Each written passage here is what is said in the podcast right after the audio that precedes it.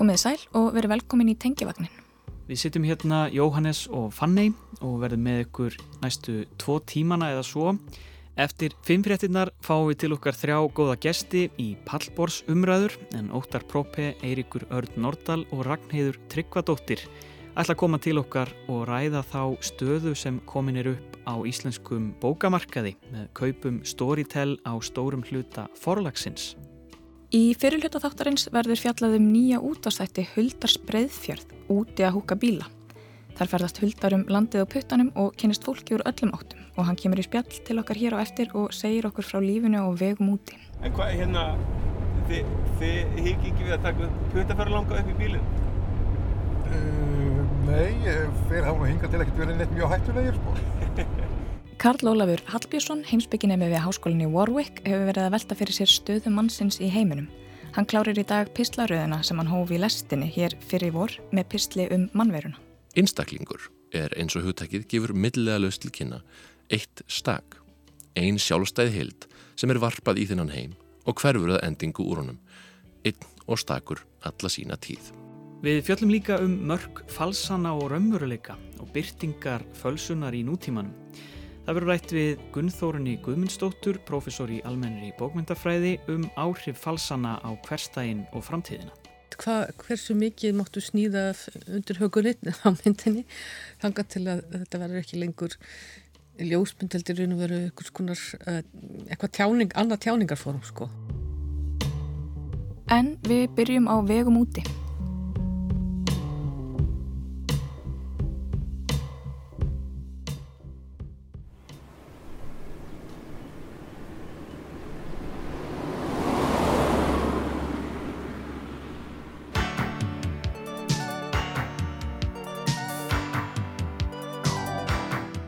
Á morgun hefjast nýjir þættir hér á Rás 1 sem bera nafnið úti að húka bíla. Um er að ræða óvenjulega ferðaþætti þar sem huldar breyðfjörð ritthöfundur húkar far með ferðalöngum á vegum landsins. Við skulum byrja á að heyra örstuðt brot úr fyrsta þætti.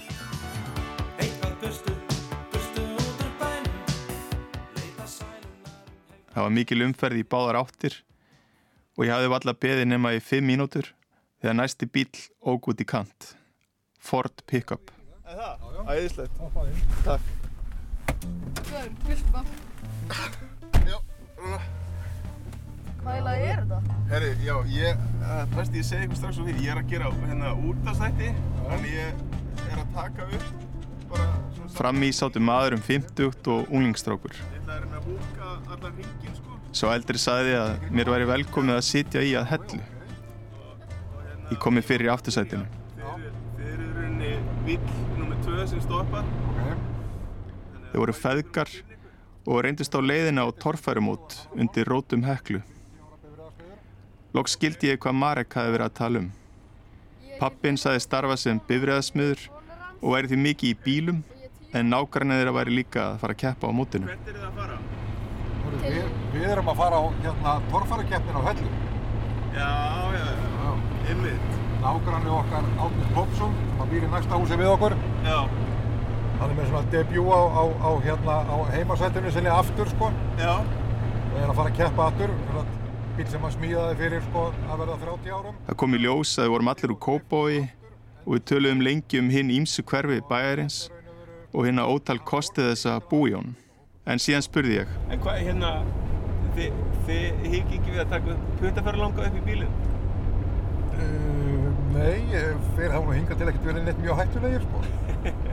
en gerir þetta reglega eða, eða nei, svona yfirleitt ekki kannski? Nei, sko, yfirleitt eru bara ekki aðstæður til þess. Það, þetta er nú alveg svona sérstaklega við séum bara tveir á ferðinni feðgarnir. Já. Þannig að það er nóg pláss í bílnum og þannig að það er bara sjálfsagt að, að láta einhvern, einhvern hérna njóta góðus af því. Já. Og hérna, og svo svo skrítið að, að sko, það er einstakar sinnum komið fyrir að ég er einn á ferðinni eða, eða jafnvel við tveir. Og þá hefur maður oft hugsað já það er bara, bara, bara gaman að taka einhvern, einhvern puttaferðalan göggi en þá kannski er bara enginn á ferðinni. Nei, ok. Hulda Breiðfjörð, verðu velkomin í tengivagnin. Takk. Komstu yngað á puttanum eða? Nei, ég hérna, kom á mínum eigin bíl já. en enda, ég var að velta þér enda fyrir mér á leðninga hvernig hvernig það gengi að vera á puttanum í dag eftir þetta COVID og koronavírus og allt það uh, kom upp. Ég veit ekki alveg uh, þessi samskipti og mörgur hafa flegst þannig að ég veit ekki hvort að fólk myndi taka puttaningu upp í bílinn og ég veit ekki hvort það væri sko ákveð ábyrðarleysi að ætlast þeirra að vera að húka mm. eða setjast upp í bíl hjá fólki sem er nýkominn til landsins eða, eða hvað sko þannig að svona ég held að staðan sé ekkit sérstaklega góð akkurat núna til að vera á puttanum. Akkurat. Þú fóst í uh, heilmingi ferðalag 2017 og húkaðir far með ansi mörgum uh, segð mér aðeins frá þessu hvernig, hvernig þetta fór fram Já, það, ferðarlægið hérna það var nú bara svona skyndi ákvörðun ég var búin að vera að hlusta á mikið af svona podcastum og, og fannst þetta uh, frábær, frábærlega skemmtilegt mikið af þessu. Og síðan hafði ég verið í í Berlín í einhverja vikur var þar að skrifa og áðurinn fór heim og keipti ég mér svona rosalega flott zoom-tæki, svona upptökutæki.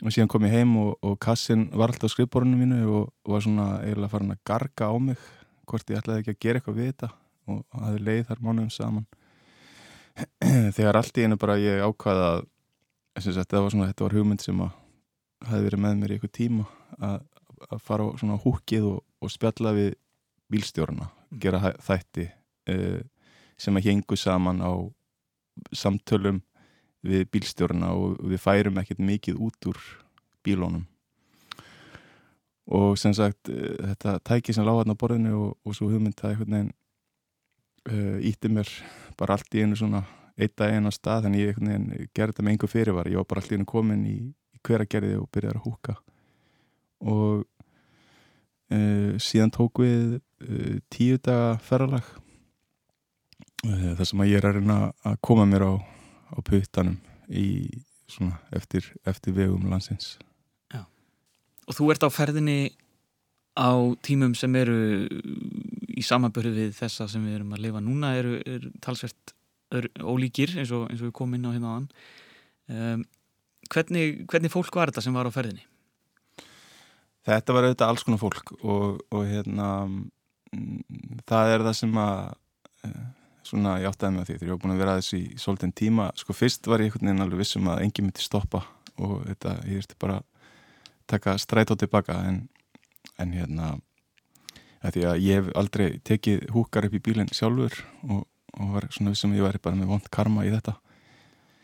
En fólk stoppar og, og hérna mjög ólíkt fólk sem stoppar.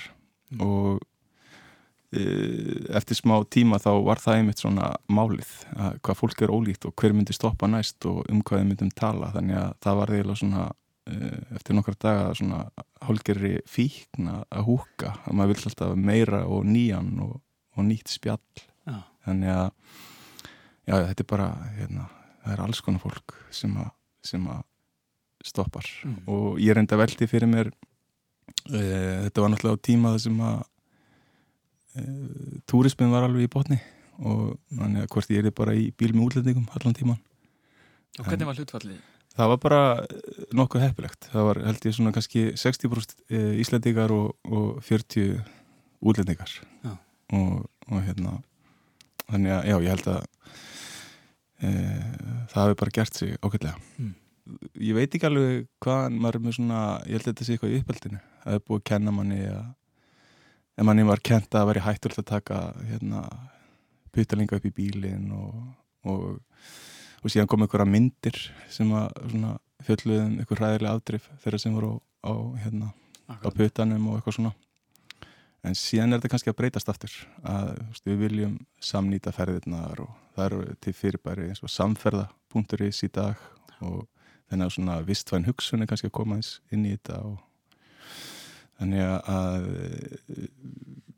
já, Íslendingar stopp alveg fyrir, fyrir hérna, þeim sem er á, á putanum vissulega sko alls ekki allir og e, það, það var til svona kenning hjá mér á leiðinni um, um hvert hlutvalli væri og hverjir sagt,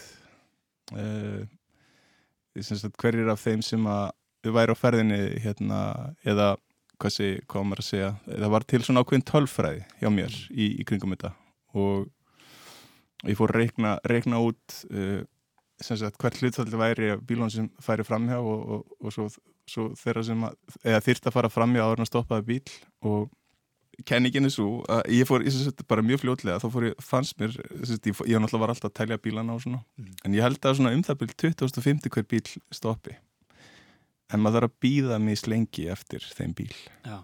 þar spila inn í svona eins og umferðin og, og hérna mm.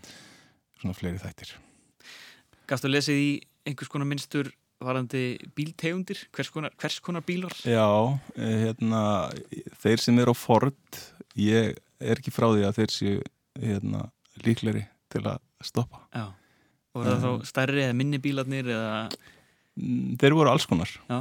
en, en hérna, Ford kom mjög vel út úr þessum samanbyrði mm -hmm. Er leiðir eitthvað tíman óþægilega eða svona? Nei, nei, alls ekki, það var ekkert þannig en, en hérna, þau eruðu svona upp á komur. Maður er náttúrulega í, maður í, í, í hérna Eh, farði í bíl með alls konar bílstjórum. Og, og, uh, og síðan uh, gæti maður orðið ansi vonlus líka. Standa einhvers það ríkningu í marga klukkutíma. Uh, en neini, mér leiði nú aldrei beinleins neitt óþægilega sko. mm. Hvern, Hvernig er það svona, já, svona sleppa svolítið stjórninni að því að þú, þú í rauninni ræður ekki hversu langt þú kemist á, á einu bíl hvernig er tilfinningin að svona, já, láta svolítið stjórnina bara í hendur allra hinna? Hún er hérna, mjög gefandi uh, hérna, það er mjög holdt að einmitt að sleppa hérna, tökunum og, og þetta kemur upp í manni svona uh, einhvers konar aðraleysi og, og, og ró og yfir en já, ég, ég hérna uh, það var rauglega svona kannski það sem að ég fekk út úr þessu á endanum. Um, þetta svona einmitt að steppa tökunum er, er, hérna, er mjög holdt fyrir mann að gera reglulega. Maður, maður þurfti kannski að að húka oftar fara, fara í svona farlega oftar og það sem einhver annar það sem að þarf að reyða sig á einhvern, einhvern annan og einhvern nátt mm. Og þú hefur verið með tækið á lofti allan tíman, hvernig var þetta ekki mikið efni sem að Jú, þetta var mjög mikið efni. Þetta var hérna, uh, Gunni Tómasson uh, gerir þættina með mér og honum alveg fjallist hendur þegar hann sá hvað þetta, var, hvað, hvað þetta voru margir klukkutímar af, af samtölum. en, um, en hérna, þannig að þetta var mikil vinna að síútur þessu og, og klippa þetta saman. Og, en Guð, Guðni gerði það mjög vel. Mm. Þegar ég hafi gengið 5 kílometra og talið um 30 bíla fara hjá kerði lóks eitt þeirra út í kant. Í honum var parum þrítugt frá Kanada. Þau voru að fara hringin og stemdu á höfn næst. Þángað voru um 100 kílometrar og mér var fljótlega ljóst að ég var ekki að fara að slaka á í aftursætinu.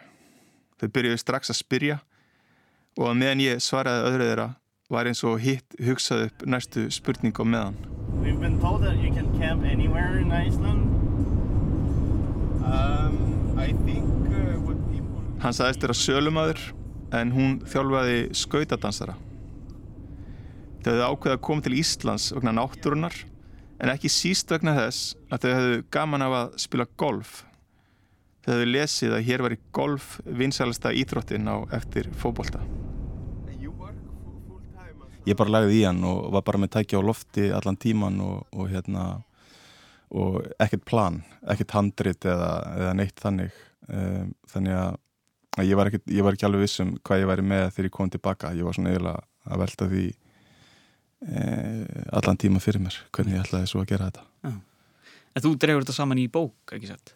Jú, svo fór ég og, og hérna e, skrifaði, var að skrifa bók e, svona á sama tíma og það sem ég gerði líka var að ég skrif sem sagt uh, ég tók öll samtölinn og, og hérna skrifaði runni langar ítgerð og hún varð svo á endanum uh, svona undirstaðan fyrir, fyrir þættina.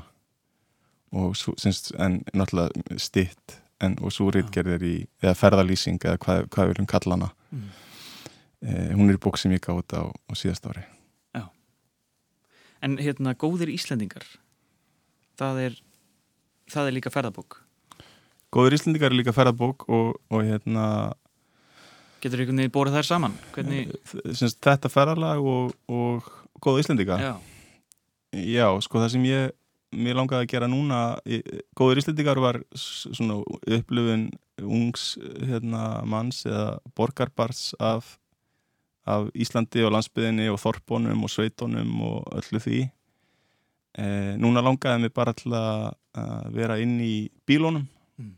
uh, sleppa því að tala um umhverfið mikið eða þorpin eða, eða hérna e, svona því sem að bæri fyrir augu og reyna að halda mig sem mest inn í, í bara sem sagt, í samtalinu við bílstjórna og láta þá hafa orðið og láta þetta hanga saman því. Það var svona það var svona markmiðið allavega. Mhm.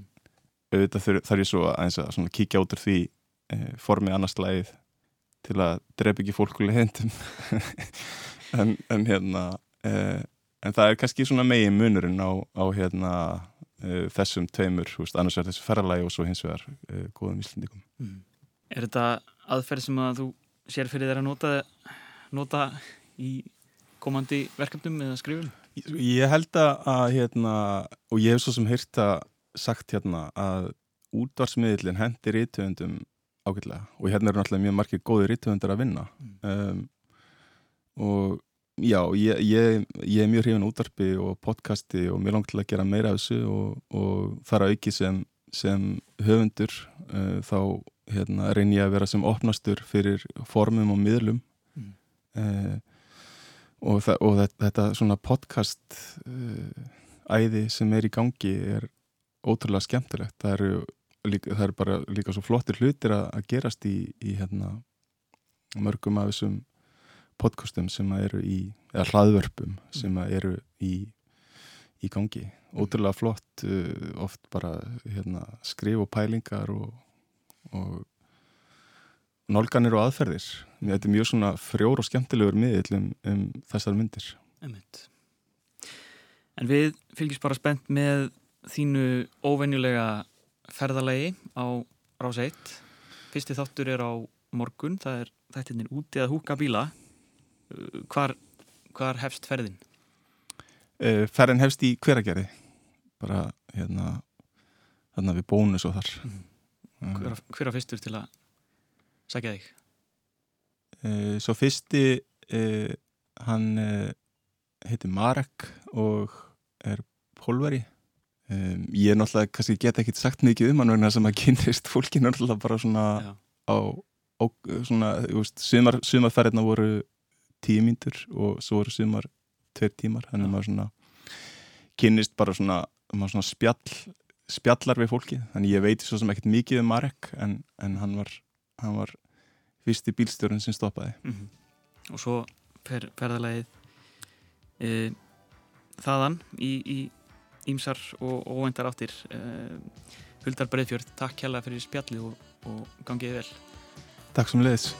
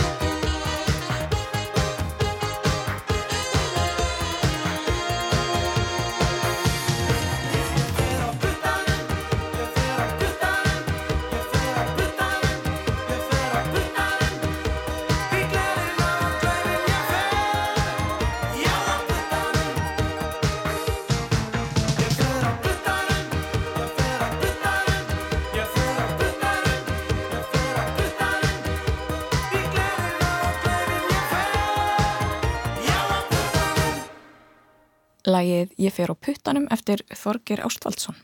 Huldar Breiðfjörð rætti þarna um væntanlega útvastáttaröð sem ber heitið Úti að húka bíla. Í þáttunum fáum við að fylgja huldari þar sem hann ferðast á puttanum um landið. Þetta eru óhefbunir ferðaþættir og þar kynist hann alls konar fólki á sínu ferðalagi. Spennandi þættir sem að hefja göngu sína hér á rás 1 á morgun klukkan 17. Mitt. En næstur á mælendaskrá er Karl Ólafur Hallbjörnsson. Hann flytur okkur fjóruða og síðasta pistilinn um stöðu mannsins í heiminum. Mannveran hefur verið viðfangsefni okkar síðasta mánuðin og við höfum hugleittana í smáatriðum í síðustu þremur pislum okkar. Við höfum hugleitt mannveruna að því leiturinn til sem hún miðjar sig og gerir sjálfa sig að nafla alheimsins. Við höfum velt vöngum yfir mannverunni og spurningunni sem býr djúft í hennar innsta eðli og sumuleiðis höfum við hugsað saman um ástina sem mannveran ber til ástfina sína og kannski jafnvel til heimsins alls. Í pistlidagsins, sem er jáfnframt loka pistilminn í þessari röð sem fjallar um mannveruna, murum við rannsaka hérna stöku mannveru, einstaklingin. Einstaklingur er eins og hugtækið gefur millilega löst til kynna eitt stak, ein sjálfstæði hild sem er varpað í þinnan heim og hverfur að endingu úr honum, einn og stakur alla sína tíð. Um leið og við byrjum að hugsa þessa stöku veru, virðumst við þó lenda í einhverji hálf undarlegri klemmu. Klemman er ekki svo að við getum ekki hugsað um einstaklingin. Þvert á móti förum við afskaplega létt með það. Ég er einstaklingur og þú sömu leiðis ert alltjent einstaklingur. Við rekum okkur hins vegar einfallega á það að þetta eina stak er kannski ekki alveg stakt eða eitt og við viljum reyna að hugsa okkur það, svona til að byrja með.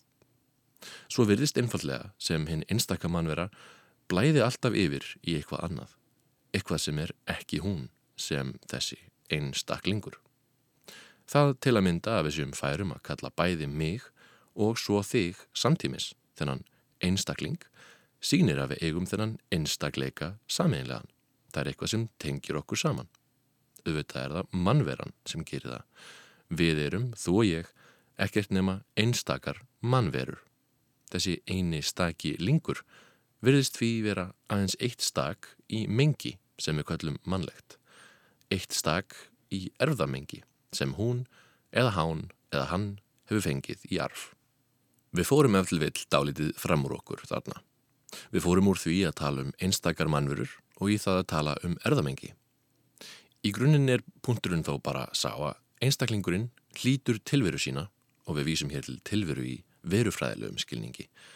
Alltaf sem mannvera, sem þessi lífvera sem gerir sjálfa sig að miðpunkti tilverunar og spyr endalösa spurninga og er jáfnframt uppfull af ást fyrir heiminum sem umkringir hana.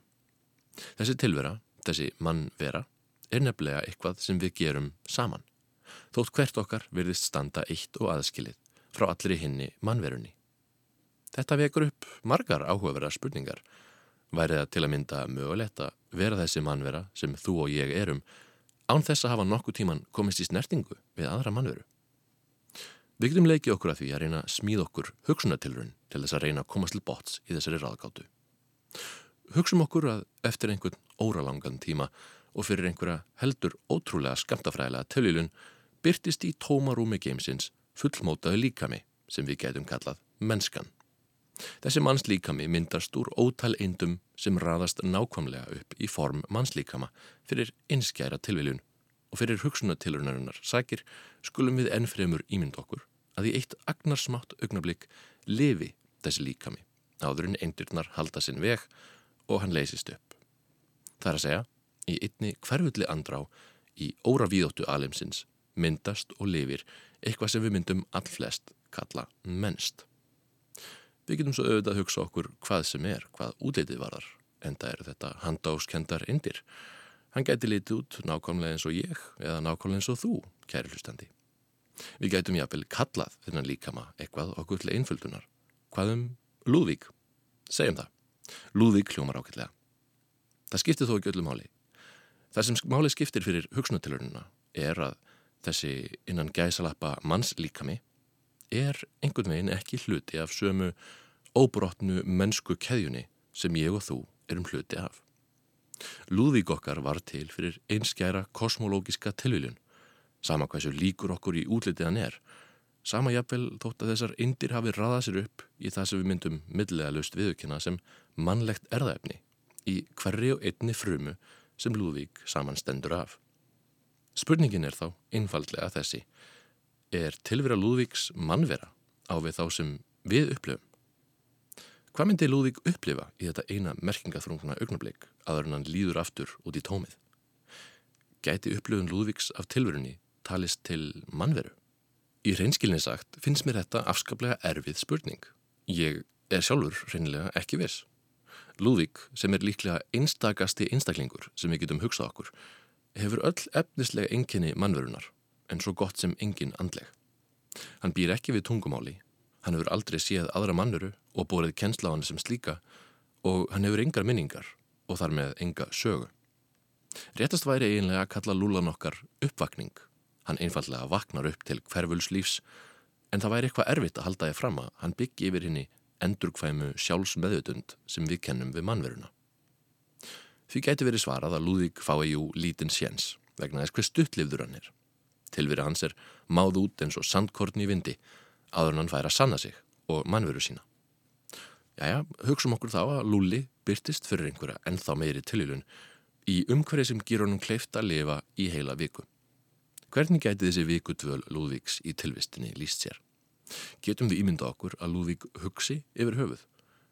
Já, við getum örgulega gert ráð fyrir því að Lúðvík búi yfir einföldum kvötum á við hvaða aðra lífuru sem er. Hann verður svangur, þyrstur, hann gæti jafnvel fundið allskynns tilfinningar, reyði, pyrring, sorg, gleði og ást.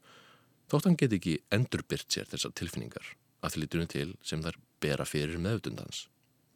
Hann býr nefnilega ekki yfir orðum til þess að brjóta meðutundarflæðið upp í ákveðnar einingar.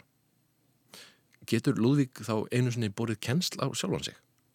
Getur mannvera sem ekki hefur speiklað sig í annari vitundaveru og tungumálinu sem sprettur upp úr öðrum vitundaverum, getur slík mannvera þekkt sig sem vitundavera? Eftirvill eru spurningur okkar hér orðnar aðeins og stórar til þess að undsi að svara þeim að svo stöttum. Eitt er þó víst að því sem ég fæ best séð. Lúðvík er sannur einstaklingur, slitinn úr samingi mannverunar sem er að einhver leiti lifandi kjarni okkar. Hann býr ekki yfir reynslu af því sem er annað. Hann er einfallega vitundastreimi á við hvert annað dýr. Það er ekki þar með sagt að Lúðvík sé minni maður, eða jú, kannski minni maður, en hann er ekki verri fyrir vikið. Þvertamóti er hann sitt eigið ferli, sín eigin heild, upplifun af líðandinni, tímanum, sem einnkinnir hverja lífuru sem er. Lúðvík tekur hins vegar einfallega ekki þátt í mannverunni sem slíkri, sögunni og tungumálinu og menningunni sem mannfólk hefur hlaðið upp í óbrotinni keðju yfir mörg árþúsund, tugi árþúsunda. Hann getur ekki séð sig sem, sem, sem sitt eigið ég frammi fyrir þúinu, því sem er annað en hann en ljáir honum insýn í það sem hann er sjálfur.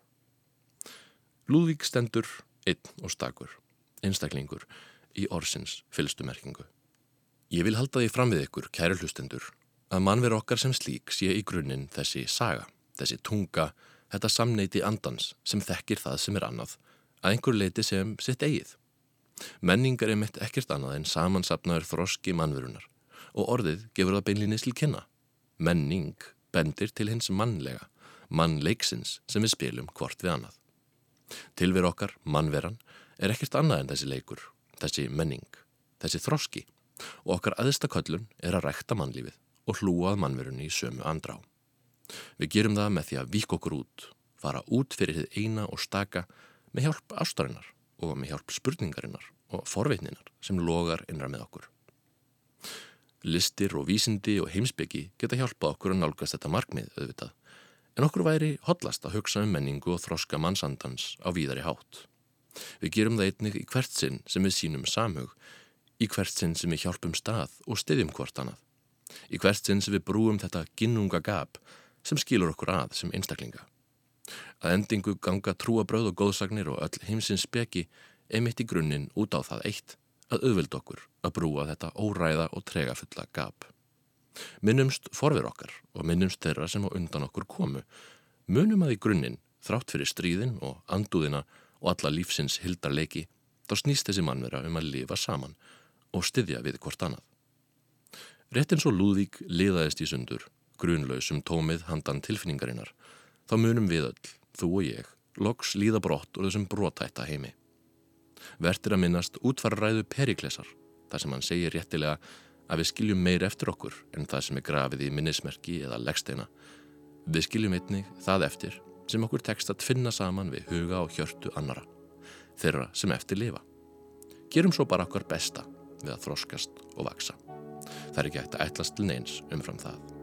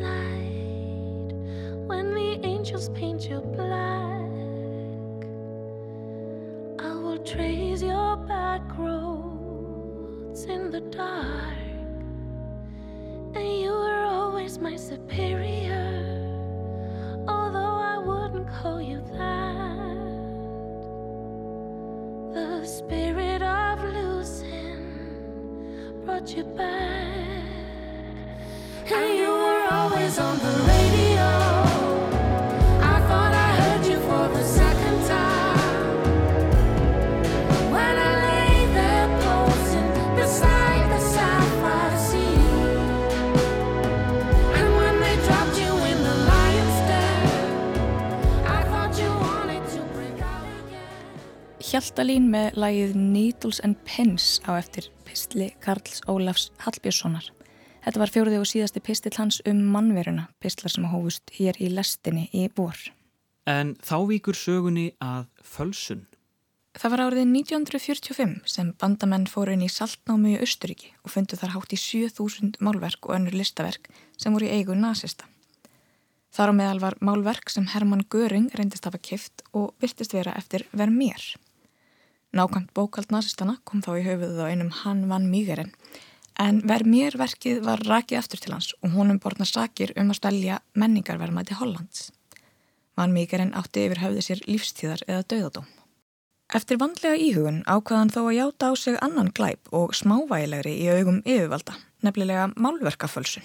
Hann vildi meina að hann hefði falsað verkið og ekki bara þetta verk, heldur fjölda annara, þannig að raunar væri ekki um neyn menningar verðmæti að ræða. Þetta reyndist sannleikanum samkvæmt og Van Míkarinn er í dag talin einn áhrifamesti falsari sögunar. Svo áhrifamikill raunar að falsaðar falsanir eftir hann er í umferð. Það er verk dulbúin sem Van Míkarinn verk sem eru dulbúin sem verk eftir Vermeer. Falsanir eru nefnilega margvíslegar og til misjafnra verka gerðar. Flest hugsun við einmitt kannski um málverk þegar rættir um falsanir, en það eru auðvitað hægt að falsa ímislegt annað og hefur verið gert. Vín, landakort, niðurstöður rannsókna, fréttir og strætókort og síðast er ekki síst ljósmyndir og mætti færa rauk fyrir því að falsanir séu orðnar hluti af daglígu lífi okkar og að við höfum kannski lítið val um að gerast segumnær. Ég rætti mörkin milli falsana og raunveruleikans við Gunnþórinu Guðmundsdóttur, prófessor í almennri bókmæntafræði.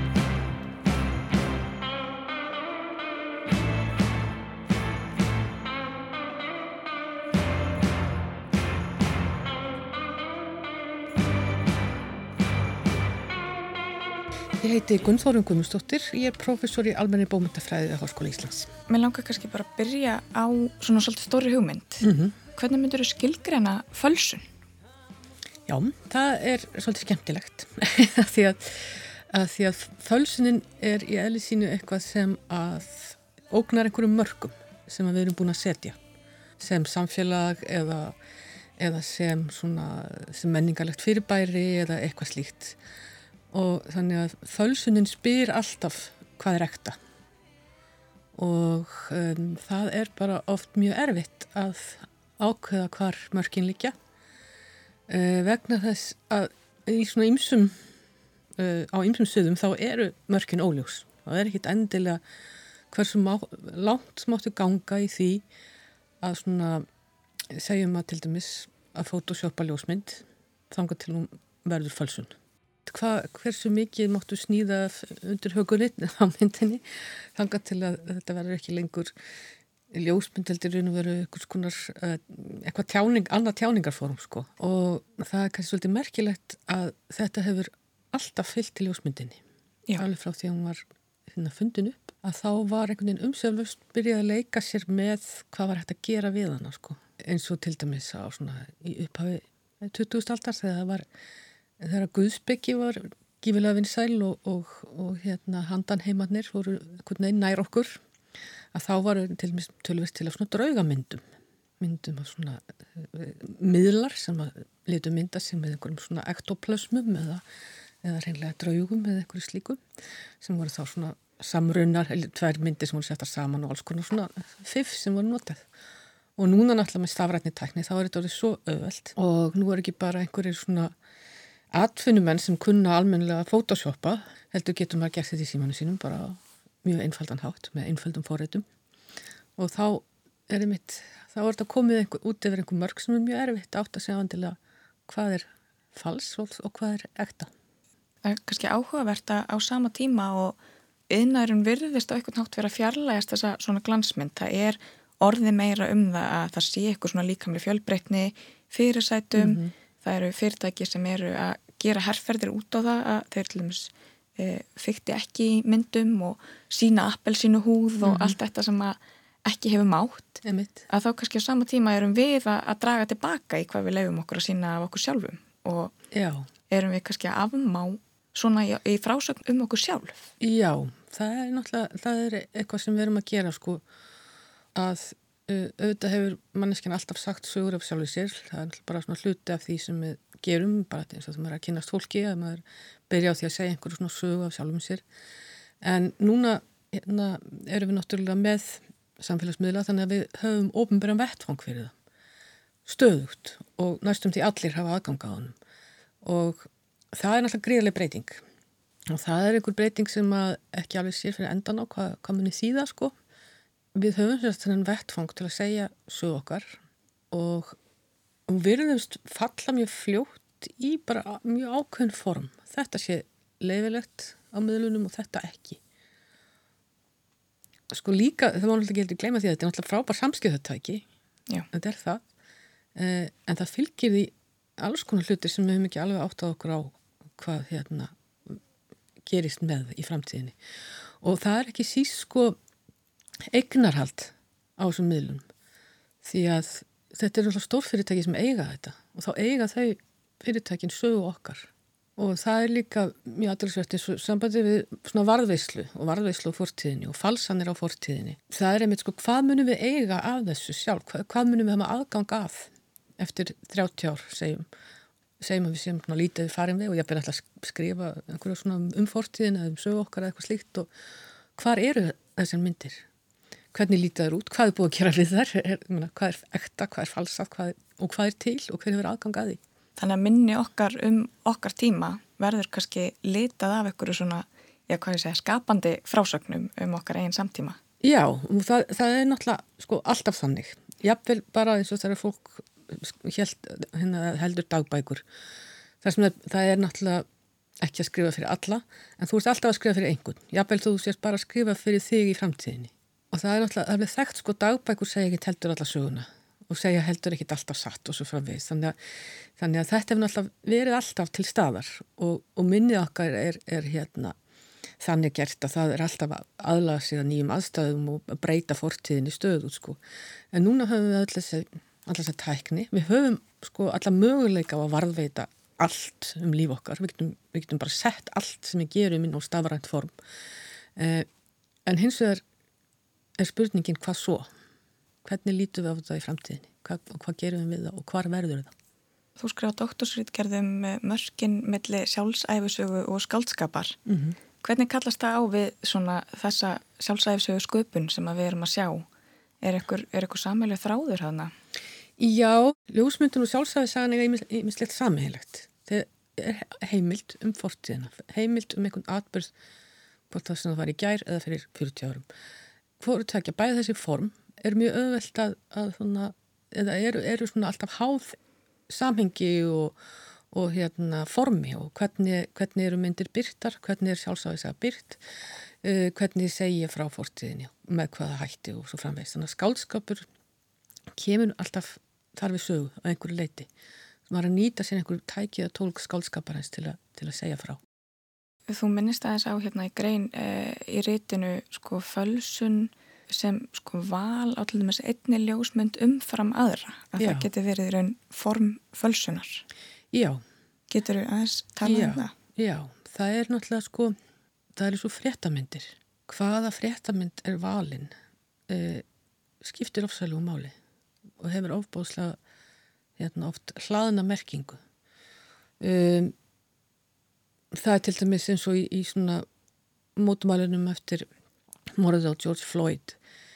Uh, hvernig myndir voru byrtar af löggunni og, og hvernig myndir voru byrtar af mótumælendum og hvar byrtust ákvæmna tegundra myndum og hvar ekki. Þetta, þetta segir manni náttúrulega alveg sko um, allt um svona pólitíska afstöðu miðilsins þegar, þegar svona átök verða að það er svo auðvelt að, að hérna, taka einhverja mynd segjum til dæmis um friðsælu og mótmælum þar sem kannski hérna, einhver einn uh, gerði allt vitlaust að það er tekin mynd af þessum eina en ekki af, af hinnum og, og þetta val sem, sem hérna, við stöndum alltaf frammi fyrir að það skiptir ofbóðslega miklu máli Getur kannski mótað bara pólitiska sín Já. stórs bara hóps? Já, já, algjörlega algjörlega, því að ljósmyndir eru mjög áhrifaríkt tæki ennþá, þrátt fyrir að við vitum allt um hvernig hægt er að breyta þeim og, og svo framvegis og hvernig hægt að manipulera þær til að sína ákveðna hluti í ákveðnu ljósi og framvegis. Að þeir hafa samt svona mikil áhrif. Þannig að við, við horfum á sko ljósmyndir sem heimildir þrátt fyrir að við vitum að þær séu það ekki endilega. Já, við gerum það. Og auðvitað er myndlæsi miklu meira heldur en það var. E, fólk nú til dags er miklu vanar að því að lesa myndir og e, hérna, tólka þær heldur en kannski fyrir einhverjum áratugum síðan. E, en enga síður þá hafa þær þennan, þessi áhrif líka. Þau eru öflugt tæki. Nú hefur Twitter síða ástæðu til þess að setja viðvaranir, búa til sérstakar viðvaranir fyrir svona falsupplýsingar. Mm -hmm. Það sem er kannski merkilegast við þetta er að þetta var svona viðbræði í rauninni við e, týstum frá þjóðar leðtoga, mm -hmm. e, Donald Trump og e, þetta hefur verið nota ekki bara fyrir myndir eða e, sko ritaðefni heldur líka fyrir myndbönd því að nú náttúrulega lifum við á svoleiðis tímum að, að hérna, það er hægt að, er að eiga við allt. Mm -hmm. Hvað afleðingar hefur svona á hvernig við lítum bara á sannleikan? Ég, það, þetta hefur mjög miklar afleðingar og maður hefur, séð það og maður veit náttúrulega ekki alltaf hvað er orsök og hvað er afleðing en þess, þetta svona djúbfalsanir eru náttúrulega það sem að sko populistarhefingar í Európu og Bandaríkinum nota sér uh, í sífælt meira mæli og náttúrulega þú veist svona bottar sem dreifa svona einhverjum falsi fréttum, falsmyndum, falsvídeóm uh, og, og þetta er náttúrulega það er þetta dreifið svo miklu hraðar en áður og þetta fer minn víðar. Og af því að það er svo mikil svona djúbstæður ágreiningur í, í mörgum samfélögum að það, það er, er hverki einhvern veginn svið þar sem að fólk mætist. Heldur er þetta allt gert til þess að skilja fólk að? Og þá þegar er hættur að vera einhver svona eitthvað sameilegt svið eitthvað, einhver sameilugur grunnur að þá er bara umræðan orðin mjög svona hættuleg. Og náttúrulega maður sér þetta hjá Trump að það verðist vera alveg sama hvað hann gerir, hversu mikið hann lígur og, og, og, og svo framvegis og framvegis svindlar og hversu illan fer með konur og svo framvegis. Það skiptir einhver máli fyrir stuðningsmenn hans.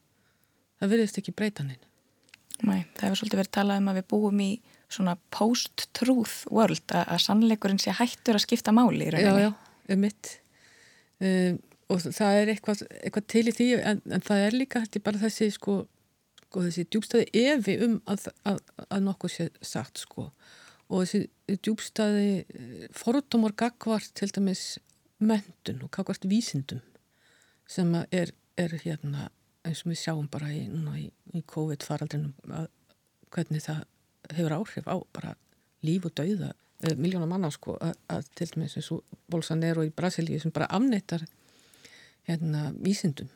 Og það hefur þessi áhrif. Það er þetta sem gerist á þannig að þetta er náttúrulega, við horfum á þetta núna í einhverju sko allt eru ljós sem við gerðum bara fyrir nokkur mánuðum af því að þetta er, þetta er bara spurningum líf og döða Einmitt. Þakka að kella fyrir þetta spjall, Gunnþórun. Takk svo mjög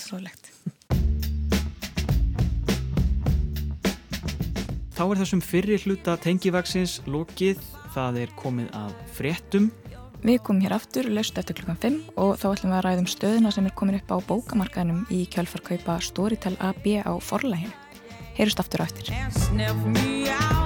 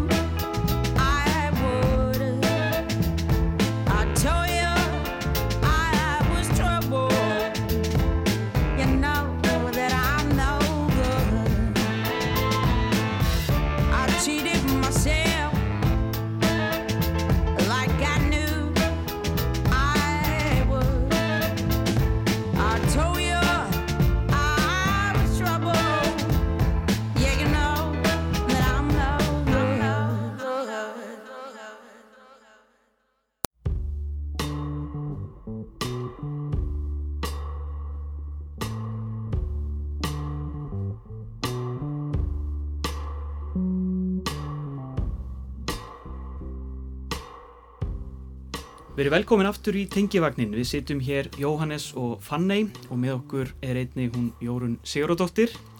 Í þessum síðari hluta þáttarins höfum við ákveðið að vera með pallbors umræður í ljósi stöðuna sem upp er komin á sviði bókaútgáfu á Íslandi. Í gær bárustöðu tíðindi að sænska fyrirtæki Storytel AB, móður fyrirtæki Storytel hér á landi, hefur keift 70% af hlut í forlæginu og hefur þetta vakið umræður og um áhrif á bókaútgáfu hér á landi til framtíðar. Og við ætlum að reyna að ná aðeins utanum þetta mál og þau eru hingað komin þau Óttar Proppi, Vestlunarstjóri Bóksölu Stúdenta og Ragnhildur Tryggvadóttir, Frankværtastjóri í Töfundasambandsins. Verið velkomin. Takk. En við erum líka í símasambandi við Eirík Örn Nordal sem er stattur á Ísafyrði. Velkomin Eiríkur. Takk. Uh, við ætlum að byrja á, já, að ræða þetta bara í sögulegu samengi. Þetta er, þetta er náttúrulega stór tíðindi í bókaheiminum. Þannig er Íslandst bókaforlag keift af erlendu fyrirtæki eh, bara fyrstu viðbröð. Þetta er náttúrulega svo ný, ný skeð en, en hafið eitthvað náða svona hugsa þetta, hver voru fyrstu viðbröð? Varstu ofan dottin Ragnhildur? Já, ég get nú endur takið það sem ég saði við Jórunni hérna áðan að, að dagurinn í gær var fyrsti dagurinn minn í sumafrí og aldrei slíku vant og þá lagði ég mig aðeins svona smá morgunlúr og þegar ég kom niður stegana þá hérna loguðu allar símalínur og, og, og hérna og, og maðurinn minn stóð andaktugur fyrir neðan stegan og færði mig þessi tíðindi mm. uh, síðan fór dagurinn í gæri nánast allur í uh, síma uh, símsvörun og að svara tölvupóstum og Voru reytöfundar þá að ringja aðalega? Já, fyrir utan fjölmjölamenn að þá voru það náttúrulega fyrst og fremst reytöfundar Óttar? Já, það komið dálítið óvart sko, þetta kom mér þannig séð lítið úr jafnvægi. uh, ég er búin að vera að vinna í og, og í kringum þennan bókabransa í núna meira en 30 ár og þegar ég byrjaði í, í, í þessum bransa þá voru tveir turnar í Íslensku bókaúka og almenna bókafélagið og mál og menning sem voru hvortvekja politist tengt apparöð, mjög tengt inn í kviku þess að loka það samfélag sem við byggum í sko. Kaldastriðs átaka Já, og sí, síðan þá hefur eiginlega allt gert nema þetta, þannig að þetta gerist. Það er svona eiginlega rosalega mikil gróska og ef það er eitthvað sem maður hefur lært á þessum tíma er að hlutirnir eru alltaf að breytast. Og á svona 10-15 ára, fresti þá einhvern veginn er eins og að sé þörf, hvort hún er rekstralega eða kultúrísk eða hvað til þess að bókabransin svona farið aldrei á hliðina Hefur, og það er svona, það er bara komin tíma á þetta. En þetta hefur náttúrulega verið að gerast örar á síðustu árum eða á þessari öld. Er það? Já, ég held það. Þetta er svona, Já, ég... eftir 1960 svona þá voru kannski eins og að segja 10-15 ári en núna Já. eru bara 20 ár liðin af þessari öld og Edda, samrunni Edda og máls og menningar Jú, jú, og síðan náttúrulega bara rafbókin sem að kemur allt í hennu inn og upp á 90 og og Kiljan, Kiljan í kringum já. 2000 og Íslenski Krimmin sem að fæðist í kringum 98 Akkur er það náttúrulega ótrúlega margt búið að gerast. Ég segi það, það er búið að vera mikil degla Erum við kannski að heyra í Eiriki Eirikur Örn, hver voru þín viðbröð svona fyrst? Ég, ég hérna Uh, ég er alltaf hjá forlæginu, ég er, ég er höfundu forlægsins og það var ringt í mig um morgunin Já. og þetta útgipt fyrir mér svona rétt áður en þetta byrtist í fréttanum og hérna, og ég er náttúrulega, ég er náttúrulega bara fyrst og fremst ef maður, ef maður bara búin að vera svolítið hugsi hvað þetta þýði. Já. Þetta er náttúrulega, sko, mér fannst voða margir bregðast við eins og hérna kapitalismin væri loksist að hefja innreið sína í Íslandska bókáðsóðu. Já, núna fyrst það hefur ekki alveg verið mín upplifun. Að, hérna, að við höfum verið að lifa á hennum hérna, sósíalisku samfunnu tímum máls og menningar hinga til og það sé einhvern veginn að vera einhvern bylting þar. Sko, en, en það er svona það er hérna mann finnst svolítið, ég upplifi uppnámið að einhvern veginn, nú held ég þetta sé slæm þróun, eh, svo ég segja það nú bara fyrst en ég upplifi uppnámið svolítið mikið eins og það sé að leysast upp svona ákveðið sko svona reikvist fyrstadæmi og kannski finn ég ekki fyrir þessu uppnámi einfallega vegna þess að ég hef aldrei verið í því einhvern veginn, bara sem, sem bara hérna einhver, einhver landsbygðalúði að hérna, ég hef ekki alveg þetta með, með eins og sprett upp á á Facebookinu mín að, að afi annarkvæs manns hafi stopnað mál og menningu. Og hérna hann sé núna alveg miður sín að hérna að að þetta sé, sé horfið.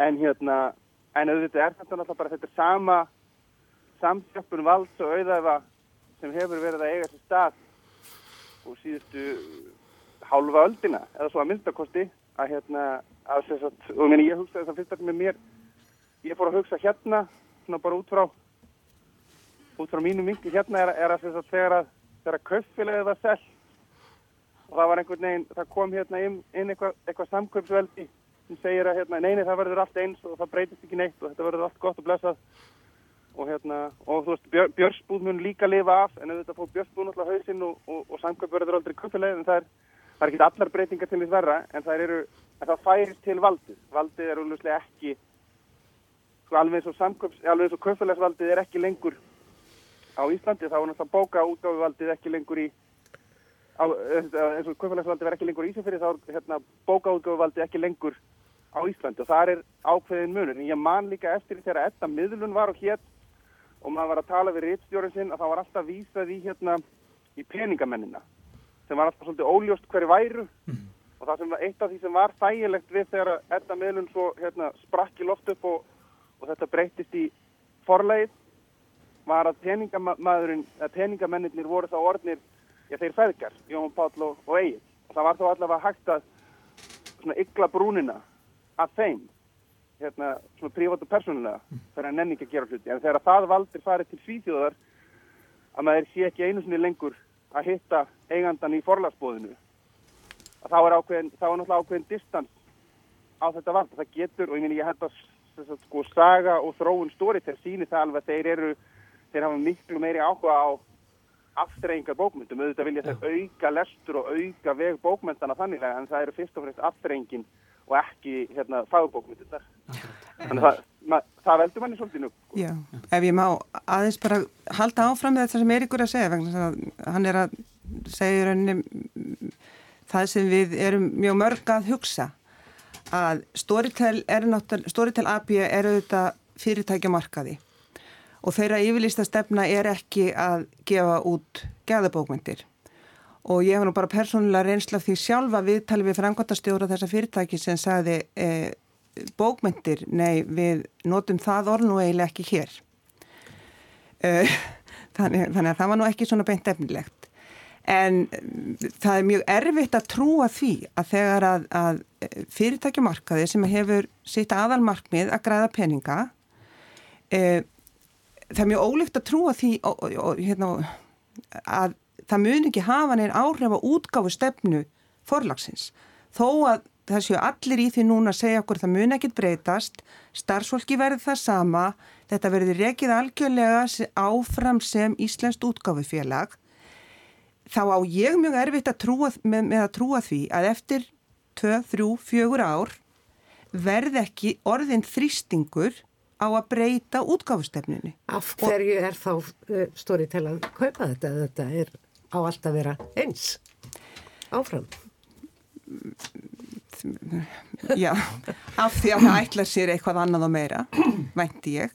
Já, ég, ég kannski sem, ef ég má aðeins koma inn í það sem bóksali, þá held ég á endanum þá hljóti bækur að vera gefnar út og, og dreifast uh, til þess að einhver lesi þar og uh, saga sko íslenska bókaúgáfi hefur alltaf verið saga peninga, það kostar að prenta bók og lesa hana yfir og svo frammiðis og síðan að Ragnar í smára nýðugreitti úgáfuna sína með peningum sem að grætti annar staðar þá höfum við alltaf verið í þessari baráttu við að reyna að ná einhverju nulli og uh, reyna að koma staði hvað lesendur vilja lesa og maður mann þá tíð þegar að sko það var hleyið að öllum tilrunum til að skrifa glæpasögur á Íslanda því þær varu svo ómerkilegar eða lélegar.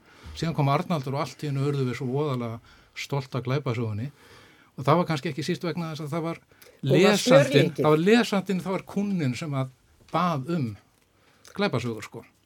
Og ég veldi fyrir mér hvort að, að við þurfum ekki aðeins að hugsa að þarna er komin fyrirtæki inn í bransan sem að vill fjárfesta í íslenskum bókmöndum sem ennútt aldrei, það eru tíðindi það er nú ekki beinlega eins og að hefur verið byðruð af af fjármagni að reyna að komast inn í íslenska bókaúkáðu að einhvern veginn finnst manni ekki ólíklegt að þeir hljóti að horfa til þess að vilja að gefa eitthvað út sem að fólk vil lesa. Þannig að þess vegna ætla ég nú svona að lefa mér að vera ekkert of svart sín á það að þessi breyting hún verði endilega svo ofsalega vand sko. Af því að útgáfustefna er, hún hlýtur að vera í einhverju samingi við, við lesandahópin.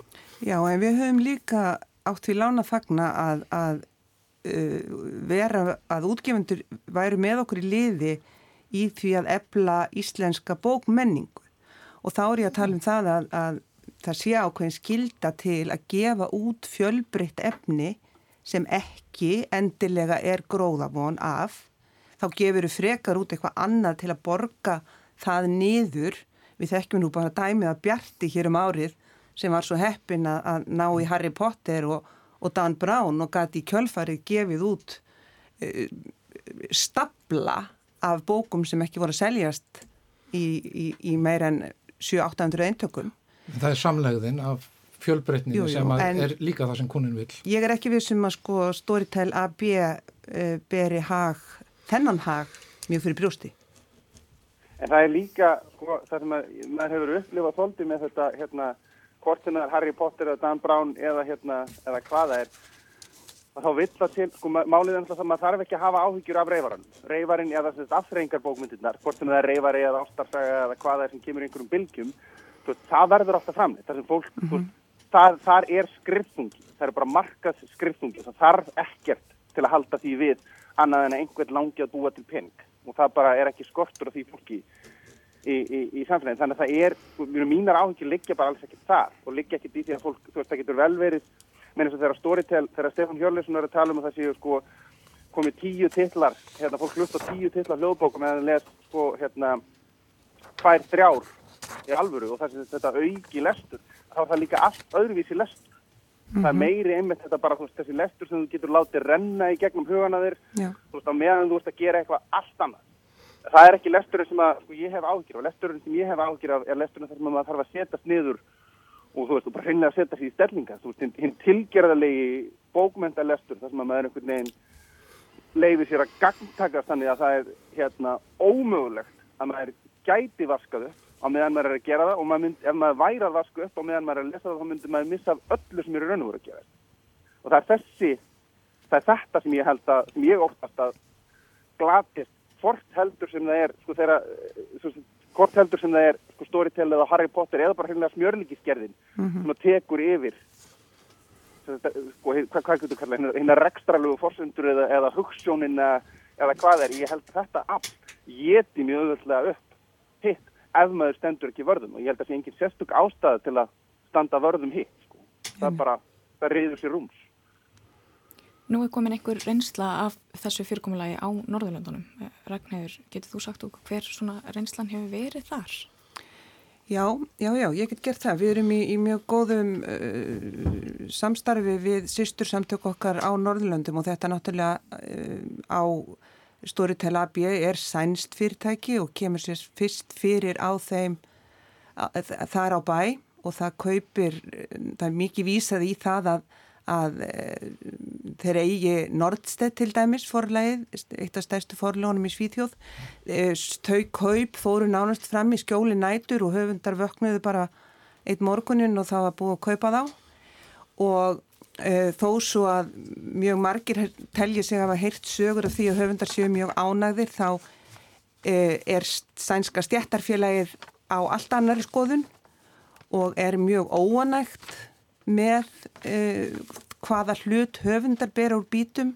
Þú ert að tala um ritthundasamband þeirra eða sambarlegt? Já, ég er að tala um, ta tala um Sveriges författarförbund og uh, við höfum náttúrulega, erum í sömu leiðis í, í hérna samskiptum við bæði Noreg, Danmörku og Finnland og, og það er enginn sem fagnar þín eitt sérstaklega hvað þetta fyrirtæki hefur vaksið og ég var nú bara rétt áðan að lesa nýlega grein síðan í, í nóvumber eftir núverandi formann Sænska Rítvöndarsambandsins sem eh, talar eiginlega beint inn í það sem við erum að ræða um núna þar sem líkilorðin eru vald, peningar og hvar likur ákvarðanatektin á því hvaða bókmyndir eru gefnar út. Einmitt. Eh, Það er eflust margi minni útgefundur eh, sem sjá þetta sem svolítið reyðarslag. Hvað, hérna, hvernig mun þetta breyta fjölbreytninni í útgáfu, haldið þið? Ég held að það sé allavega miða við reynsluna mína þessa síðustu að þá eru svona breytingar geta oft orðið mjög jákaðar fyrir litla úgefundur vegna þess að þeir geta einmitt hrist upp í stöðun eins og hann er. Og við sáum þetta með Mál og vöku helgafell á árunum fyrir 2000, við sáum þetta með ettu miðlun og, og svona að þegar að einhver aðili verður mjög stór á þessum markaði hérna þá hægt og rólega verður hann of stór og þá fara aðrir að, að uh, taka við. Uh, það er bara of mikið af, af til dæmis uh, rítumundum inn á rítstjórninni hjá þessum rísum þannig að rítumundar fara að horfa í kringu sig og fara að leita annað. Þannig að uh, Bjartur er mjög gott dæmi um fyrirtæki sem kom upp eiginlega úr, úr skúfunni og varða stórveldi og, og núna erum við með mikið af merkilegum sko ungum útgjöfundum eða útgáfum eins og Benedikt og Angostúru Unu, Partus. Unu útgáfuhús, Partus og svo framvegis. Bókabeitan. Já, sem að eru fullt af, af skemmtilegum tiltrúlega nýjum útgjöfundum sem að held að, að eigi möguleika og eigi nú kannski núna möguleika líka á því að það verði einhver upplýstingur á því hvar menn er að, að leita að útgáfu. Þetta verði höfundaflótti frá fórleginu. Ég held að sé bara hræri gröður alltaf og það sem er merkilegt við íslenskan bókabransa, ég, það ger, gerist næstu aldrei að koma einhver inn í bókabúðuna hjá mér og byggja um nýjustu bókina frá einhverjum útgjáfanda. Útgáfan er ekki aðal vörumerkið ef svo er að Mm. segja. Fólk kemur og byggður um bókina, nýju bókina eftir Gerður Kristníu eða, Nei. eða Arnar Lindreðarsson eða, eða hvert það er. Og hérna, þannig að, að, að þvíleitnum til er valdið alltaf hjá höfundunum. Jú, jú. Vil ég meina, sko. En höfundaflótti hefur náttúrulega kannski alls ekki verið algengur. Það höfundar hérna hafa ekkit haft neitt sérstaklega mikinn möguleika uh, því miður vegna þess að þó að þessi litlu forlög séu mjög góð að þá er, einbytta þau sér ofta að einhverju ákveðinu tegund bókmynda. Já, já. Uh, og fyrir vikið eru aðrir höfundar sem hafa ekki mikið val um að fara. Ég, ætla ekki að spá, ég ætla ekki að vera með neina dómstagsspá og segja að það fari allir höfundar frá forlæginu en auðvitað eru mjög margir höfundar akkurat núna og verða næstu daga að hugsa sinn gang. Og það er bara mjög eðlilegt því að þetta er breyting. Þetta er stór breyting að 70% af stærsta bókaforlega landsins skuli nú verið í erlendri eigu. Svo er náttúrulega líka þróun sem að hefur orðið á síðustu áratugum að það er að íslenska bókmyndir eru orðnar vinsalar og út um allan heim. Og ég mann þá tíð þegar ég var í mál og menningu þá mundi maður utan að sko allar útgáfur, fáanlegar útgáfur Íslandinga í öllum útlöndum. Það voru þessar tvær á Ítalíu og svo að voru þrjár Guðbergsbækur á Spáni og eitthvað svona maður mundi þetta þetta voru bara 50 Tíu titlar eða já. hvað það var.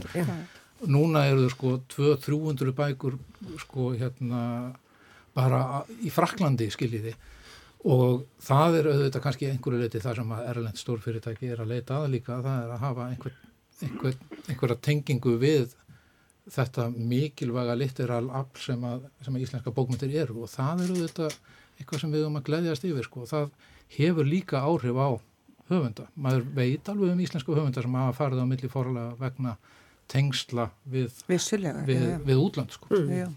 Umbóðsmenn réttinda hafa og... Og svo framvegis. Já. Það er orðið alvöru markaðar sem að var náttúrulega ekki til hérna í gamla dag. Nei, nei, nei, nei, þeir eru náttúrulega orðið te teljandi á, á sko, ekki bara fingrum annar handar þeir sem hafa aðal tekjurna sínar uh, að utan. Já. Og það er breyting sem í rauninni við sjáum ekki fyrir en eftir bókamessunni Frankfurt 2011 Mm. sem hafiði, þeir peningar sem ríki þá lagði Þeir hafa skilað sér vel. Þeir hafa skilað sér vel. Já. Eiríkur, vilt þú koma eitthvað inn í þessa umræðu um, um áhrif á erlendum mörkuðum? Sko já, ég meina það það munar náttúrulega rosalega miklu að vera með góða réttindaskristu og það saman. Það er náttúrulega bara, það er alg, algjört atriði að, að einhver, að bókin manns komist í, í fangið á einhverjum en það er alltaf að hérna, koma út úr. Það náttúrulega eru, ég held að kannski ekki, ekki síst kannski fyrir, þú veist, allavega, ekki síst fyrir fagurbókmyndu höfund og þá held ég að þetta geta alveg verið talsvett maður kallar það miklar aukatekur vegna að það eru meiri heldur en tekundur í Íslandi. Mm -hmm. Það gleymist stundum líka í þessum, hérna, hérna, í þessu samtali um, um sagt, forlögin á Íslandi og peninga og samninga er að það er svo ótrúlega lítið af þess, mínum tekjum sem Já. kemur frá forleginu, mm Mhm. það kemur, kemur úr bókasölu. Ég bara, ég, ég er bara, ég er bara ríkistarsmaður. Að það er einhvern veginn, hérna, mínir, mínir hagsmunir liggja mest í því að, hérna, listamannalauna kerfið fungeri. En hérna, svona sem, sem, sem launamöður, tala ég, sko. En hérna, uh, en svo hugsa ég eins og með, sko, með, með höfundaflókta, ég náttúrulega ekki tala fyrir neitt nema sjálfum mig, að ég er bara, veist, ég er bara, hérna, höfundurinn hennar Sigþrúðar. Þegar Sigþrúður hættir hjá, hjá, hérna, forlæginu, þá, þá fæ ég ábyggla bara með henni. Að, hérna, ég, ég ég, ég kom, ungur var ég gefin Silju og hérna, hún, hún, hérna, dóttirinn er mig og ég bara, ég held ég haldi mig bara þar. Svona persónulega. En eitt af því sem við höfum kannski ekki komið inn á en þá er að sko það er það er hvað breytingar uh, þetta hefur beinlinis á hvers konar bækur verða gefnar út vegna þess að þetta er alveg sama fyrirbæri eins og Netflix nema bara Netflix bókana og í Svíþjóðu er til dæmis mjög stór hluti af bókum á Storytel orðnir, Storytel Originals Mhm. sem er rétt að byrja hér. Þar skrifar fólk inn í ákveðna formúlu. Þar meg að vera mm, tíu kaplar, svona margar personur, hver kapli þarf að enda á spennumómenti og í þú í rauninni þarft ekki uh, höfundinni þarf ekki að vera svo þekktur. eh, vegna þess að þú ert bara að selja þessa ákveðnu uppvöskunar uh, típu Uppvöskunar undirleik. og nú er ekki, ekki að gera lítið úr uppvaski það getur verið mjög róandi og, og En þægilegt en, en þetta þessum bókum, sko, þetta er náttúrulega afþreying, ég er ekki móti afþreyingu þegar ég var að koma inn á þetta. Ég er Já. mjög hrifin af uppvask bókinni sem slíkri. En veit, er bara annað. já, en bara ef að sko, eins og, við, eins og ég sé mjög mikið á sænska storytel, að þar er þetta orðin meiri hlutin. Þetta eru bækurnar sem þú færið upp, bara þú þarft að skrolla ansi langt niður á sænska storytel, þar þangar til þú ferð að finna fagurbókmyndir. Og, og ég hef áhyggjur af þessu bara, bara yfir leitt. Hafði áhyggjur af þessu áður heldur en að, að þessi frétt kom. Það er raunin að verði rítstjórnar áhrif Já, af það, já, að það verði það. Sýnileikin uh, verður, landslag sýnileika bókana verður annað. Já, þetta hefur náttúrulega verið að breytast bara mjög mikið í Mm. menningunni hjá okkur með, sko við erum náttúrulega að lifa alveg stórmerkilega tíma í menningunni yfir höfu, bara með þessari uh, hérna rafvæðingu og, og netvæðingu menningarinnar og þannig stundum talað um það sko ekki barátta milli bóka, heldur bara barátta um mínútur hjá, hjá væntanum lesanda því að hann þarf að finna mínútur til þess að lesa bókina eða hlusta á bókina og sko er að byrja saman við að horfa á eitthvað á Netflix eða að skrolla á Facebook eða hvað, þetta er samkeppnin er miklu harðari við Netflix hérna og Facebook held ég heldur nokkuð tíman við einhverjar aðra bækur eða við Storytel sko. Það er samkeppnunum aðteglina. Það er samkeppnin um aðteglina sko og hún er kannski ekkert ný heldur af því að bókin hefur auðvitað í gegnum tíðin að farið í gegnum alls konar svona nýjar sprengjur til þess að Já, já. komast í sjoppu bókmyndir var nú einu svona talaðum þegar menn fór að gefa út kiljur og dreifa víðar enn bara í bókabúður og þetta er, sko við erum á, á sko, hvortum okkur líkar betur sem er verð og hver er hver, hvaða fyrirtæki eru þá erum við í þessari stóru breytingu og ég þekki það sem tónlistamæður að sko tónlistabransin hann, hann kvarf, hann hrundi Já. hann reysu upp og varð allt öðruvísi heldur en hann er Já.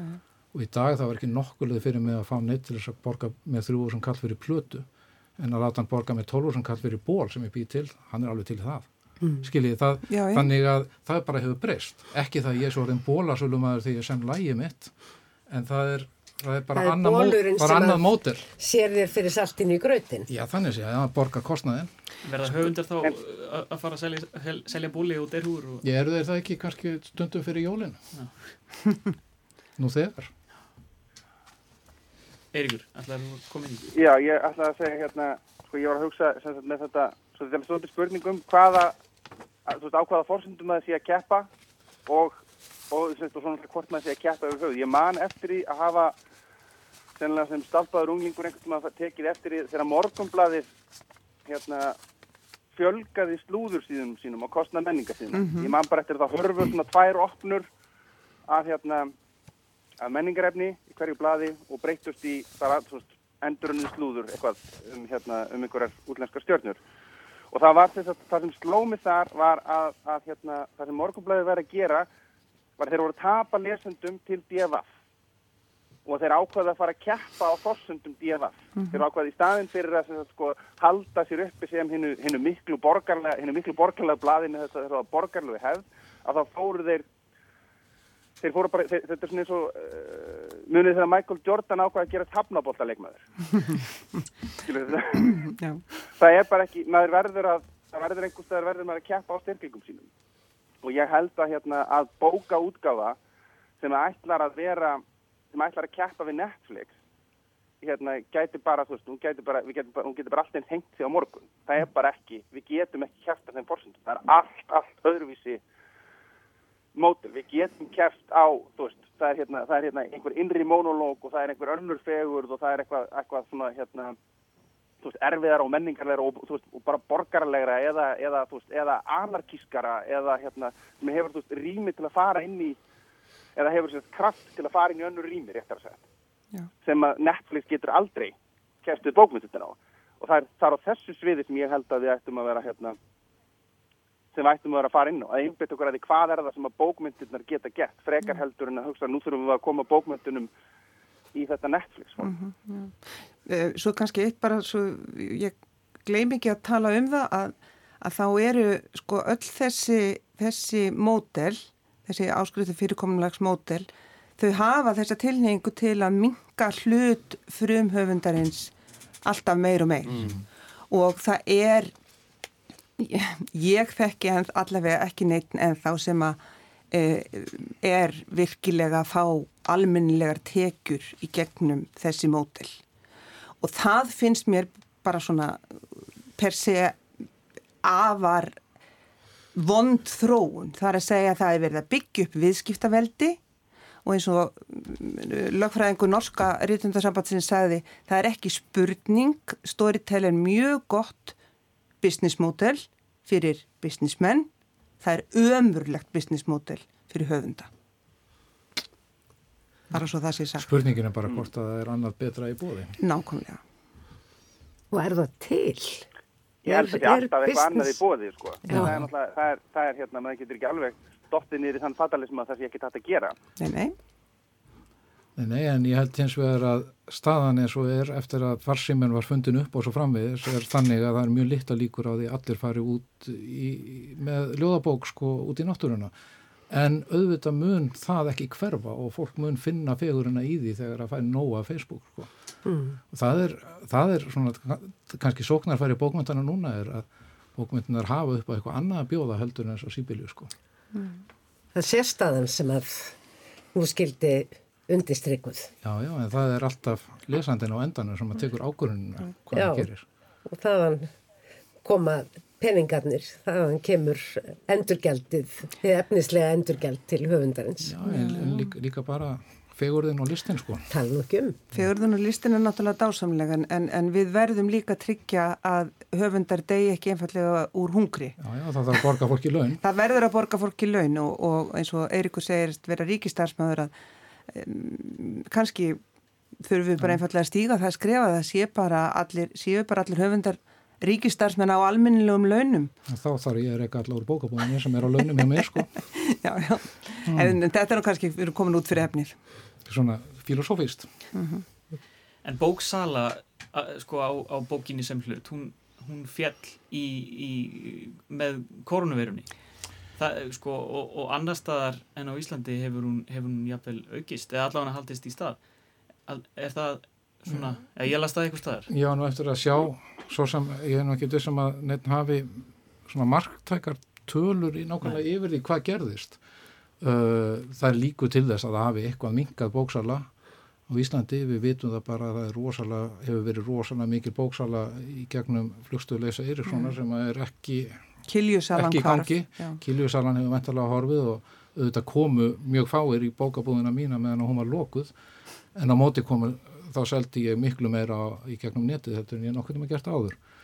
Þannig að maður á eftir að sjá þetta, þetta sko staðan í mörgum öðrum löndum eins og í Breitlandi þar eru penguin er bara nýbúin að opna aftur laginu sinni eftir bara að hafa loka og læst í þrjá mánuði. Þannig að þetta er mikið svona uppbrott en það er búið að vera mikla breytingar í bókabransanur síðustu árin og það held ég að sé samkeppnin við aðra aftreyingu og það hefur breytt neistlunni, ef maður getur sagt það sem svo, en það hefur samt ekki eigðilegt bókaúgáð, það hefur, hefur verið að seljast mikið af bókum að aldrei ég að marga bækur í Breitlandi eins og fyrir tveimur eða þreimur árum eða hvernig nýjustu tölur eru. En það er ekki þar með sagt að við vitum nákvæmlega hvaða bækur það eru. Það eru aðrar bækur kannski heldur en það voru áður. Og svo er líka munur, munur af því að selja 2000 bretti af bara Kamilu Lekkberg og svo eitthvað smá af hinnu. Það, hérna, það er ekki bara sölutilutni, mér finnst líka, við þurfum að hugsa svolítið meira út í það hversu marga titla hversu margir titlar bera sig á markaði vegna þess að það segir okkur svo mikið til um þá hvaða fjölbreytni getur ríkt í samfélagi, hversu mikil Já. hversu mikil og fjölbreytt hugsun er í einu samfélagi. Það gerðist að af því við vorum líka að tala um þetta, þetta sínileikan og, og, og, og, og náttúrulega þannig að markastunga það gerðist um daginn nú veit ég ekki hjá hvaða forlega hún en einmitt Kamila Lekkberg tók yfir heimasíðu all líbis, það var allt brjálað í, í svona svensku já. í, nok Já. í nokkra daga vegna þess að það voru allar myndirnar og allur textinn á, á, að sko stærstu netbókaverslun svíja var bara nýja bókin hennar Kamilu Lekkberg Mhm. mm -hmm. sást ekkert í, held í heilan dag nema þetta og þetta er eitthvað sem ge getur bara gerst þegar að markasvaldið er orðið alveg bara gjössamlega allt um líkjandi að þeir, bara, þeir geta lift sér að drekja allri annari bókaútgöfu í heilan dag. En þetta er svolítið það sem að fólk hefur ágjur af með Storytel að, til dæmis eh, nú lítur út fyrir að aðrir eh, útgefundur neyðist til þess að, beigja sig undir Storytel og, gefa kannski út hljóðbækur þar. Eh, en það er náttúrulega kannski þeirra hagur að gera bókum forlagsins hátt undir höfði eða hvað. Hva, hvernig sjáu þetta fyrir ykkur? Hvað þýðir þetta fyrir aðra og minni útgefundur? Þetta hefur náttúrulega alveg eftir að sjá vegna þess að, að, að mantra dagsins í dag er, það er ekkert að fara að breytast. Skilur Og hvað, hvað svo mantra heldur lengi, það vitum við ekki. Þannig að kannski hefur þetta samtal bara aftur eftir eitt og hálft ár, tvö ár. Uh, ef allt helst óbreytt, þá breytir þetta engu fyrir hina, en svona í stóru myndinni þá efast ég ekki um að þetta mun einmitt breytast í þessa átt. Og við höfum enga burði til að reka tvær áskriftar veitur bóka á Íslandi. Nei, jú, það er náttúrulega þróunin sem hefur orðið með tækninni er að það er alltaf eitt sem vinnur Mhm. það er bara ein Amazon, það er ekkert hinn Amazon og eitthvað annað og uh, það er sama með Spotify Mm. það er það sama með Storytel eða Eymundsson. Eða Eymundsson? Já, eða Eymundsson svo, svo var tíð að sko Haldur Lagsnes tók yfir mál og menningu og það voru bara bækur eftir Haldur Lagsnes í glugganum eða, eða Harry Potter eða hvað það var en það var bara í mál og menningu ekki um allt land sko. Nei. það er kannski breytingin og ég held að það sé ekki bara bókabransin það er, þetta er um, okkur- um okkur allt sko. Mm. bara Coca-Cola. Við höfum náttúrulega tilneyingu til þess að líta á bækur og bókmentir sem það er eitthvað merkilegt. Það er einhver galdur í bókmentum. Það er eitthvað sem gerist með okkur þegar við lesum bækur og við allir sem sitjum hér vitum það. Og ég held að það sé svona undirótin af þessum titringi sem við finnum í hjartanu uh, gagvar þessum tíðundum þegar það kemur svona reysastór skeppna dýr uh, sem að uh, ætla kannski bara að faðma okkur. Já, við kunum vona að þeir séu ekki að þessu til þess að hætta Nei, en það náttúrulega kemur, eh, það er ekkert verið að fela það að ástæðan fyrir því að þeir kaupa þennan hlut er svo að þeir vilja auka raf og hljóðbækur á Íslandi. Og þá hefur formaður stjórnar uh, bókmyndafélagsmáls og menningar sem sel, er seljandin uh, líka sagt að þetta uh, verði uh, sé framtíðin, þetta sé afleðinga því sem, þessum gjörningi að rafvæðing bókana muni taka kipp. en er það ekki af því að það sé eftirspurn eftir því? Jú, Vissulega, en, en, en svo við bara förum aftur í, í beinharða peninga að, að fari hluti af sölunni inn á þessar veitur og höfundar er að fá peningar sem að valla sjást fyrir það, þá dregst það af sölunni á eintökunum, þar sem við vitum þó hvað þeir eru að fá, fyrir eintækið og þó að sé alveg rétt að það sé örfáur höfundar á Íslandi sem lifa af sölu þá samt sem áður munar þessa stjætt alveg óskaplega um hverja krónu vissulega. Og- en ég er bara og- að segja að ég held að bókin muni seljast á einhvern hátt, Já, en, en þá skiptir máli hvaða hlut höfundurinn fær. Af alveg sama hvort hún, við erum ekkert á móti rafbókum og hljóðbókum, þær eru komnar og þær eru fínar, en við viljum ekki að höfundurinn fá þrísvar fjóru sinni minna Nei, nei. fyrir hvert eintak af þeirri bók. Það er bara áttan, sko. Já. Nú, nú mér á móti skapi að tala eins og, eins og hérna, markasmöðurinn, það þýðir líka, sko það er ekki bara höfundur, þetta er það öll bókaútgáfan. Já. Ef, að, Já, já. Bóka, ef, að, ef að bókaútgáfan verður þannig að hver lesandi borgar 1500 krónur fyrir, hérna, þú veist, þess að lesa tíu bækur á mánuði, eins og, hérna, eins og Stefán er að, er að, hérna, var að halda fram, að þá er þess að, sko, þú veist, ef hann myndi kaupa eina bók á þennan 5.000 skall sem er eðlilegt á hún kosti, þá fær allur bókabarnessin miklu meiri pening. Já. en það, það þarf að framlega tíu titla hérna, sem að til þess að hérna, uppfylla þennan 1500 kall að það, er það, það, er ekki, er ekki dæmi sem að markaðslega gengur upp fyrir nema einn Nei. nema bara þann sem getur verið hérna drottað yfir öllu fyrir alla hina hlýtur, það- náttúrulega bara fyrir, fyrir bókaverslanir, fyrir smá forlög fyrir, hérna, og jafnvel bara stór forlög sem eru ekki þetta hlýtur þetta náttúrulega að vera alveg ofsalega erfið, erfið samkeppni bara undirbúðin á markaði Já. En hvernig er þetta erlendis, Ragnhildur? Ég spyr þig kannski að því, uh, svona, eru, eru hljóðbóka útgáfur að kaupa forlög Já, erlendis? Storytel er náttúrulega búið að kaupa forlög í Svíþjóð, uh, Danmörku, Finnlandi, ekki alveg vissum Noreg uh, og þeir eru að tegja ánga sína, ég veit ekki hvað eru komin í mörg lönd núna þannig að þeir eru búin að springa út núna á örfáum árum og þetta er stefnan hjá þeim, það er að kaupa upp forlög, kaupa þar með réttindin og vera þar með ráðandi aflið. Það, og, og svo, þetta, þetta er bara eitthvað sem búið að sko undanferðin ár hafa, hafa allir samnorrannir og evróskir fundir uh, ritfundarsamtaka aðalega snúist um það hvenar kemur Amazon eða Google auga á okkar bókamarkað og gleipir hann. Mm Storytel er núna greinilega aðeins bara á undan og við höfum eftir að sjá að þetta mun, þetta mun líka hafa mjög mikil áhrif á alla í kringum okkur. Þó að þau séu sko íslenska örtungan er svo rosalega lítil að við finnum kannski fyrir stærsta skellinu. En, en hinn vissulega finna, finna líka fyrir þessu. Alveg nákvæmlega samhátt.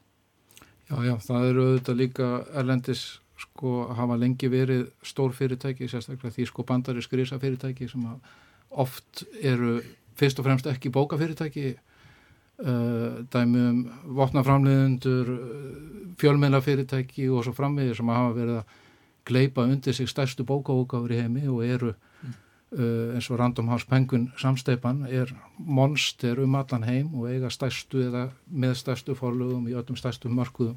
Þannig að þetta hefur verið þróunin samþjöppun á forlögum og það sem gerir síðan er að forlögin þau samþjappa, fá úgáðuréttin að 3000 bókum eða hvað það heitir komast að því að þau vilja helst bara gefa út 1200 af því að það kostar svo mikið að gefa út hinnar hægt og rólega minkar framlægið og það sem að gerist alltaf í beinum framhaldi er að það opnar einhver annar já. forlag og byrjar að, að, að og kemur inn einhvern veginn.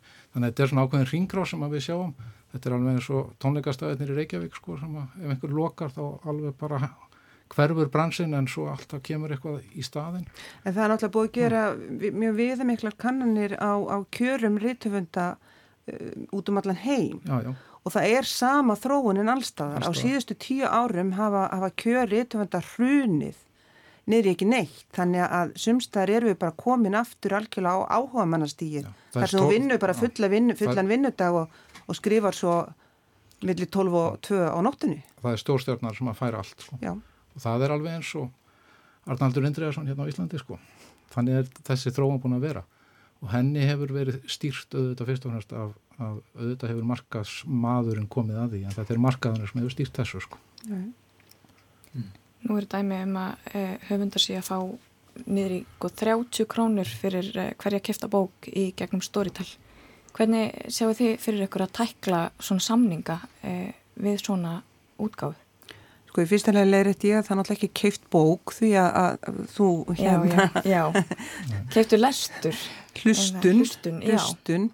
Uh, við erum satt best að segja í bastli með þessa samninga vegna þess að þetta er mjög ógagsætt viðskiptamótel og þegar að búið er að skipta kökunni fyrst millið Storytel sko nú, nú erum við aðeins farin út af sko spórinu vegna að Storytel á Íslandi og Storytel AB eru tveir ólíkir þannig lagað sér, nátengtur ólíkir aðilar. En, en Storytel á Íslandi sem er að greiða höfundum er fyrst að skipta með doktorfélaginu Story Site sem framleiðir bækurnar. Við vitum ekki hvernig svo skipting er. Síðan skiptir Storytel 75-25 með við útgifandan jafnvel 80-20 var að tala sem ég heyrði í morgun. Síðan á útgifandan að gera upp við höfundin af þessum 25% sem eru af uh, 50% sem eru af einhverju og, og við bara fáum ekki þessar upplýsingar. Við, við, þar, við getum nefnt hvaða prósentur sem er en við vitum ekki af hverju prósentan er og meðan svo er, nú er ég að vísu búin að heyra ansi vel í forlagsmönnum sem segja þetta verður að skýra þessu verður við að kippa í lag svo ég vona að hérna emdir fylgi og, og við sjáum eitthvað gagsægi í þessu mótili. Við getum ekki svona metið hvort að 30 kall er eðlilegt eða, eða ekki þegar við vitum ekki af hverju 30 kallin kemur. En skipti máli, haldið að fólk sé uggandi út af því að þetta sé streymisveita, þetta er tækni fyrirtæki, en ekki ef, að- ef að bókaforlag, Gullendal eða einhver annar væri að kaupa hluti í forlaginu. Sko Storytel AB er ekki bóka fyrirtæki.